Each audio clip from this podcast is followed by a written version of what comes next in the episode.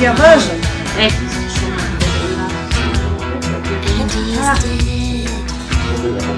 Ναι. Όχι, δεν έχω Πρώτη. τέσσερα σε Είσαι κανένα και αρχείο. με- Α, ναι, Μα και εσύ. ναι, ναι. Να σου πω δηλαδή και εγώ ένα Το τέτοιο. πρώτο υπόγειο με τη Όταν Χλώρη. το Αυτό, έλεγα- αυτό το το έλεγα πόλι. πριν από χρόνια. Αυτό σε το πόλι. συνάδελφο. Αυτό Παίζεις- το όχι, μην το σε παίζεις το συνάδελφο και συνειδητά, καλό όχι. συνάδελφο. Πέρα ότι σοκαρίστηκε. Πέρα Εγώ ότι. δεν το έχω με αρχαία βέβαια. Το έχω Εγώ πάρει το- με- Στη διαδικασία τη δουλειά, Όχι, αλλά όχι. και με αυτά που αγαπάω. Που με που, που ερωτεύτηκα. Που μπήκα μέσα στο μουσείο και με πάμε. Με, με, με πήρανε. Όσο πάνω, με πήρανε. Και, και όμω δεν το παραδέχομαι ότι αυτή η σχέση με το έργο είναι πρώτιστα σωματική. Δεν είναι ούτε νοητική ούτε συναισθηματική. Όχι μόνο το είχα και εγώ, αλλά το είχα και στον κύκλο μα, στην οικογένεια και σε φίλου κτλ. Δεν είναι δεδομένο. Δηλαδή, θυμάμαι μια φίλη μα Αμερικάνα που είχε έρθει, που είχε πάει στου δελφού Ναι. και τη χάσαμε, δεν τη βρήκαμε. Και τη βρήκαμε την άλλη μέρα, είχε κρυφτεί στο μουσείο και έμεινε όλη τη νύχτα με τον Με Αντίνο. το- Με Ε, το- βέβαια, τον Αντίο. ε, βέβαια. Όχι με τον Α, Ηλιακό. Όχι, γουστά. δεν είναι. Τον Αντίο. Έμεινε όλη τη νύχτα με τον Αντίο, με τον Αντί- με τον. ε, πώς το λένε, με τον- Αντίνα. Αντίνο στο μουσείο μέσα, τη χάσαμε. Λένε τι έγινε, η Ρομπάμα, δεν ξέρω, η Ρομπάμα. Ξαφανίστηκε η Ρομπάμα. πήγαμε στο. Πήγαμε, Ναι. αναρωτηθήκαμε, χάθηκε, δεν τη βρήκαμε πουθενά. Είπαμε θα πήγαινε να κοιμηθεί τώρα στο ξενοδοχείο. ε, στο ε, αυτό. ε, ε. Και την άλλη μέρα την είδαμε πανευτυχή. και μα εξομολογήθηκε ότι κρύφτηκε μέσα στο μουσείο και έμεινε και την κλείσανε μέσα και πέρασε όλη την νύχτα με τον Τον Αντίνο. Με τον Αντίνο. ήταν Τρίτη φορά, δεν ξέρω τι έχουμε τον Αντίνο από απόψε. Αντίο. Αυτό δεν ήταν Να αντίο, μην δεν κάνουμε βαγγελάτε. συλλογικές αναλογές. Αυτό είναι ένα ζήτημα. Όμως. Γιατί η τέχνη τελικά. Πριν κλαίγαμε ότι η τέχνη έχει γίνει περιττή ή βαρετή. Γιατί εκείνη την ώρα εσύ είπε περιττή, εκείνο είπε βαρετή. Δηλαδή, Ε, Εγώ να σου πω, άκουσα πρόσφατα μια ανάλυση από μια κοπελίτσα γύρω στα 35, πολύ καλή οικογένεια με πολλά λεφτά. Και η οποία εντάξει είναι εκδότη. Γνωστού εκδοτικού οίκου. Κόρη. Τέλο πάντων, μην μα πει παραπάνω. Ναι, Ναι, μην μας- να δούμε και ναι. το, το τη φάση τη. Παρακάτω. Λοιπόν, και άρχισε να μου λέει τώρα ε, για ποια λογική, λόγω πια πάλι αυτή η αισθητική τη λεπτομέρεια, του έτσι, του μαυρό, α πούμε και τα λοιπά και δεν αντέχω και τα λοιπά. Και άρχισε να μου κάνει μια ανάλυση ότι τέλο πάντων εγώ όταν αποφάσισα ότι αυτή ήταν στην Αμερική ζούσα πολλά χρόνια και στην Αγγλία, αποφάσισα να προσεγγίσω σύγχρονη τέχνη και τα λοιπά. Ενθουσιάστηκα ή τέλο πάντων έμεινα με ανοιχτό στο στόμα πόσο ηλίθια είμαι εγώ και πόσο χαζή με την α- μέση άλλων ανθρώπων που μπορεί να είναι έτσι και αλλιώ κτλ. Και μου λέει ξανά, ξαφνικά μου λέει πέρασε αυτό το στάδιο, ορίμασα τέλο πάντων, το απέριψα, ότι εγώ δεν είμαι ηλίθια και αυτή δεν είναι η έξυπνη. Που, μου- που, τέλος πάντων, που επιθετικά μου προβάλλουν. Σου λέω τώρα. Το χάσα, λέγε πιο που γρήγορα. επιθετικά μου προβάλλουν, α πούμε, ότι Ναι. την έκφρασή του και την Ναι. ελευθερία του καταρρέστη. Και άρχισα να μου λέει ξανά να τσιμπάω με τη σύγχρονη, με την Αμερικάνικη τέχνη, που γυρίζει πάλι στην κοινωνία. Δηλαδή, θύχητα. Συσχετισμός. Όχι, όχι. Τι. Ε, Πολύ τυκλικορέκτη. Α, Μπράβο. πολύ κορυφαίο. Φύγει θέματα που έχουν σχέση με την κοινωνία. Δεν μου πες αν είναι πολιτικά ορθά ή οτιδήποτε. Έχω στο μυαλό Ότι μου θίγει μια ξανά. πράξη κοινωνική. ότι ο ρόλος πια της τέχνης ξανά μετά από ένα διάστημα ξαναμπαίνει σε ένα ρόλο κοινωνικό. Α, Και μ. εκεί κάτι μπορώ να μπορώ, μπορώ να τον ε, κατανοήσω, να τον απορρίψω ή οτιδήποτε. Να, ε, να έχουμε Διότι ένα κάτι- διάλογο. Πώς, πώς, πώς το θέλει. πώς το Δεν μου όπως το γουστάρει. θέλει, είναι που το βάζει. Κατάλαβε είναι το, παι- το παιχνίδι που σε αγαπάω. Όμω αλλά εγώ πού το ένιωσα ότι βάζεις. εκφράζει αυτή ένα. Λοιπόν, οι- οι άνθρωποι εκφράζει είναι ένα- μεταξύ εφημερίδα και τηλεόραση βάζουν και την τέχνη. Δηλαδή σήμερα ένα άνθρωπο ξέρει πολύ περισσότερο που θα βάλει τη τηλεόραση στο σπίτι του παρά τι να κάνει το παράθυρο. Ένα Ντόναλτ Τζαντ είναι πολύ πιο κοντά στο Γράφει. παράθυρο από ότι από την τηλεόραση. Και αυτή εκπροσωπεί ένα κάποιο ποσοστό. Τεράστιο. Ποσοστό. Τεράστιο ποσοστό. Ναι. Θυμάσαι τι να κάποια βάλεις στους στιγμή τοίχους, τι σκέφτεσαι προσπαθούσες να να βάλεις στους τοίχους. εξηγήσει τον Μαρκόπουλο στους... Εγώ ε, τότε σε λάτρεψα. Στους χωρικούς στην, Α- στην Στην Αρκαδία. Σαρέα, ναι. Ναι. Λοιπόν, ε, έχουμε πάει να δούμε φεστιβάλ Μαρκόπουλου, ενός Όχι. πρωτοποριακού Όχι, γνωστού. σκηνοθέτη. Του Πήγα Γρηγόρη. στο Μαρκόπουλο κι εσείς. Βέβαια. Είχα- είχα- Ήσουν κι εσύ. Όχι. Δεν Αλλά- ήσουνα. Γιατί είχα δει το... Ε, Έπρεπε να έχετε έρθει. Ε, Ναι, ναι, ναι. Ήταν απίθανη η Μες εμπορική. στις- στις μαύρες νύχτες να Ήταν, πηγαίνω- ήταν απίστευτη η να πη- εμπειρία. να πηγαίνω Είσαστε, θα, συνέχεια. θα ερωτευόσασταν ξανά από την αρχή το Στο τι Μαρκόπουλο. φύση. Ο τα- τα- Ναι. Κώντικας βρες το είχε πει. Τα ποντίκια, τα, Ε. τα, τα, τις ακρίδες. Και ο Ντένι λοιπόν έχουν έρθει οι συγγενεί Ο του Γκότικα σα Μαρκόπουλου. το είχε πει. Ναι, ναι, ναι. Έχουν άκουγα. έρθει, έχουν έρθει οι συγγενείς του Μαρκόπουλου, έχουν πάρει θέση με τα καλά του και έχουν κάτσει να δουν τέλο πάντων. συ- Και δεν βλέπουν τίποτα. Γιατί ξέρω εγώ, εναλλάσσονται μαύρε εικόνε, μαύρε. Του καλλιτέχνη συγγενή. Λέει, κα- οι- οι- οι συγγενεί αυτοί που, που έχουν παραμείνει στο χωριό. Η Γοργιανή είναι. Οι Α, οι Χωριανοί είναι. ναι, Οι χωριάτε. Έχουν, έχουν πάρει τα καλά του, έχουν καθίσει στι στη, στις καρέκλες Ναι. Το και πλήρω περιμένουν παράδειγμα. να δουν σινεμά. Λοιπόν, δεν υπάρχει σινεμά γιατί ο Μαρκόπουλο έχει οργανώσει ένα θέαμα στη μέση ενό χωραφιού φρέσκο Μπορεί, θερισμένο. εντάξει, ναι. Έχει οργανώσει, τώρα το οργανώνει, δεν σου ξέρω. Ναι. Λοιπόν, έχει οργανώσει ένα θέαμα το οποίο είναι εναλλαγή σκοτεινών πλάνων, δηλαδή σκοτάδι και κοιτά τον ουρανό για 5-10 λεπτά και ξαφνικά λέει ένα flash φω και μετά από 5 λεπτά μια εικόνα που κρατάει 3 δευτερόλεπτα. Ε, χτ- Χτυπιώνται οι άλλοι και σου λένε μα πού είναι το σινεμά και πάνε στον Ντένι να τους εξηγήσει.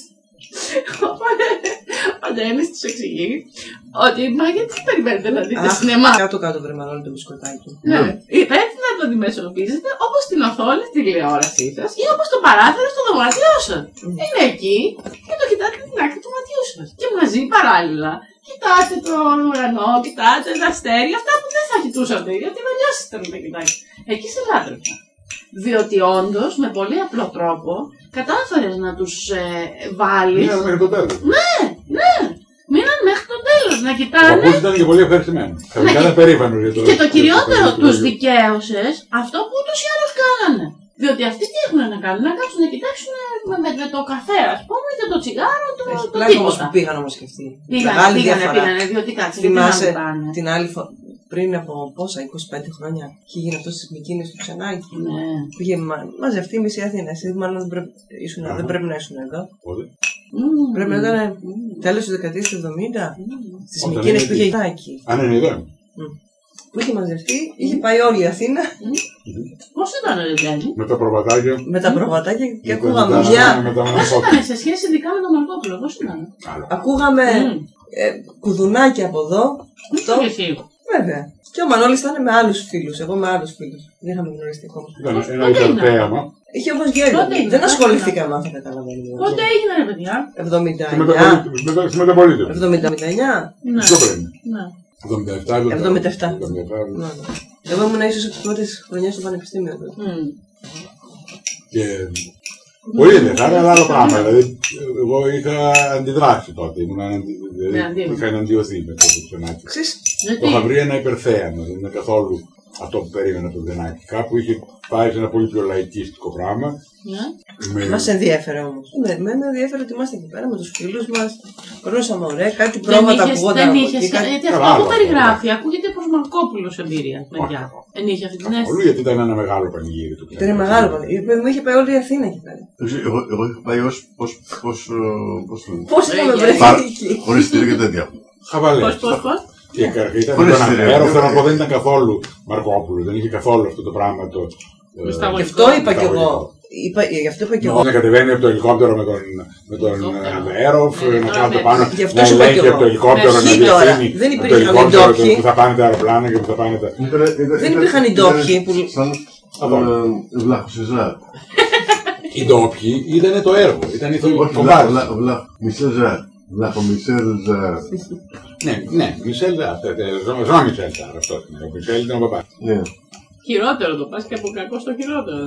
Όχι, το- το- το- Τέτοιο πράγμα, ε, όπω λέει. Το τέτοιο, περιέγραψε τέτοιο πολύ στυλ σωστά. ήταν. Και μάλιστα σε μια εποχή που μόλι και πέσει η Χούντα, το να έχει τον γεφυροποιό Αβέροφ ξαφνικά να υποστηρίζει τη σύγχρονη τέχνη Και είναι- και τον ελληνικό στρατό να περνάνε τα μοιράζ από πάνω μμ. ω μέρο του έργου. Τα μοιράζ που αγοράζει η Χούντα, Καμία α πούμε, σχέση. θα είναι μέρο του έργου του ξενάκι. Καμία σχέση. Κάπου αυτό εμένα με είχε ενοχλήσει ο φιλοξενούμενος. Παρόλο ότι εντάξει, εγώ το Μα, δεν λάθο χρειάζεται να το λύσω. ήταν πάρα πολύ σπουδαίο άνθρωπο και πολύ σπουδαίο καλλιτέχνη. Αλλά εκεί νομίζω του είχε ξεφύγει το πράγμα. Και του είχε ξεφύγει λόγω τη εποχή. Λέξει ότι η ιστορική Μμμ. μαγιά μέσα στην οποία είναι τα πράγματα δίνει τελείω άλλε φορέ αναγνώσει από πράγματα τα οποία μπορεί να σου ξεφύγουν πραγματικά. Ιδίω σε επίπεδο θεάματο. Δηλαδή, όταν δεν υπάρχει κάτι που γραμμένο που να πει ότι αυτό το ξαναπέζει μετά διαφορετικά ή το βλέπει αλλιώ. Δηλαδή, του Μαρκόπουλου το έργο δεν έγινε για την περίσταση. Είναι κάτι που σε τρία χρόνια μπορεί να το ξαναδούν. Το ίδιο πράγμα. Η ίδια ταινία θα το πει. Δηλαδή, Καταπληκτική εμπειρία. και όντω αυτό ο ρυθμό που έχει είναι κάτι το συγκλονιστικό και που είναι μετρημένο με ένα τοπίο, με έναν άνθρωπο. Δεν είναι καθόλου Και θεαματική. είναι μια με, και με εσωτερική εμπειρία. σωματικές Ακριβώς. ε, ενέργειες, με σωματικού ρυθμού. Ενώ αυτό του ξενάκι ήταν πολύ πιο πολύ ένα πράγμα σαν ένα πολύ υψηλού επέδου τσίρκο, α πούμε. Ακριβώ, ήταν πάρα πολύ εγκεφαλικό. Είναι αλλού, δεν Όμω, έχει παιδιά, καθίσανε οι άνθρωποι ενώ περιμέναν σινεμά, ιστορία και αφήγηση να διασκεδάσουν. Ξαφνικά ανε- α, απενοχοποιήθηκε προφανώ όλη του η καθημερινότητα. Αυτή η οποία χαζεύουν με τον καφέ του το τίποτα. Και ανα- Ε, Δηλαδή, Οι αναλλαγέ από βλέπει, το α πούμε, τίποτα. ότι μετά, το, μετά εκείνο το ξενάκι, ε, αν δεν κάνω λάθο, ήταν η ίδια χρονιά που είδαμε στο Παρίσι το Einstein on the Beach. Βλέπει ότι εκεί ο Πίλσον και ο Φιλ Glass δεν τρελαίνομαι. Που θα, κανονικά η- η- τα ενδιαφέροντά μου θα έπρεπε να πάνε πολύ πιο κοντά στο ξενάκι από ότι στο Φιλ Glass τουλάχιστον. Ναι. Βλέπετε ότι εκεί κάνανε μια τομή διότι δομήσανε κάτι που στο ξενάκι ήταν ακόμα μια αίσθηση, αλλά που δεν ήταν δομημένη. εκεί πέρα. Και ίσως Καλύτερο μια ήταν. πολιτική. Α, Ίσως μια Καλύτερη ήταν ο πολιτική. Φίλ. Ο Φίλ- ο- Ναι, πολύ. Βέβαια, πολύ Το καλύτερο. ίδιο δεν έχω δει. Αυτό που έχω δει είναι στην τηλεόραση. Έχω δει Μισελ Ζαρ. Το είναι. τα- Τα οποία δεν το θεωρώ καλύτερο από το Ξενάκι. Όχι, είναι πολύ χειρότερα. Δεν το. Δεν υπάρχει σύγκριση.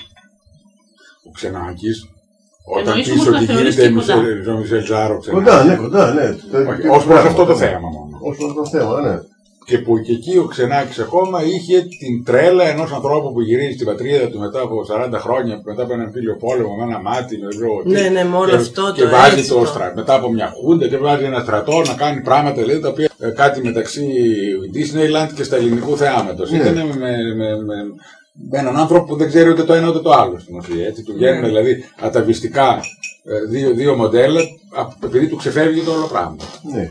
Και όπως ε, και ο Μισελ Ενώ- Ζαρ δεν κάνει- κάνει παρόμοια Ξέρει, ωραία ο πράγματα. Ζαρ δεν του ξεφεύγει. Ναι, αλλά κάνει παρόμοια πράγματα. Κάνει τέτοια πράγματα γιατί εκεί υπάρχει μια Όλοι ιδεολογία μου πια δίνουν. της- Μια πολιτική Disneyland. Έτσι. Ναι. Είναι σαν το, αυτό που είδαμε με τον. Όχι, δεν το είδαμε στην τηλεόραση που το είδα. Μμ, του, ναι, του, το ναι, πάω του, αυτό. η μυθοδία αυτό Μπράβο. που έκανε. Με βγάλω το Λεόν Τελίν Αυτό ξανά. δεν δεν τα καθόλου. Δεν το είδε, στην δεν να τηλεόραση. το δει.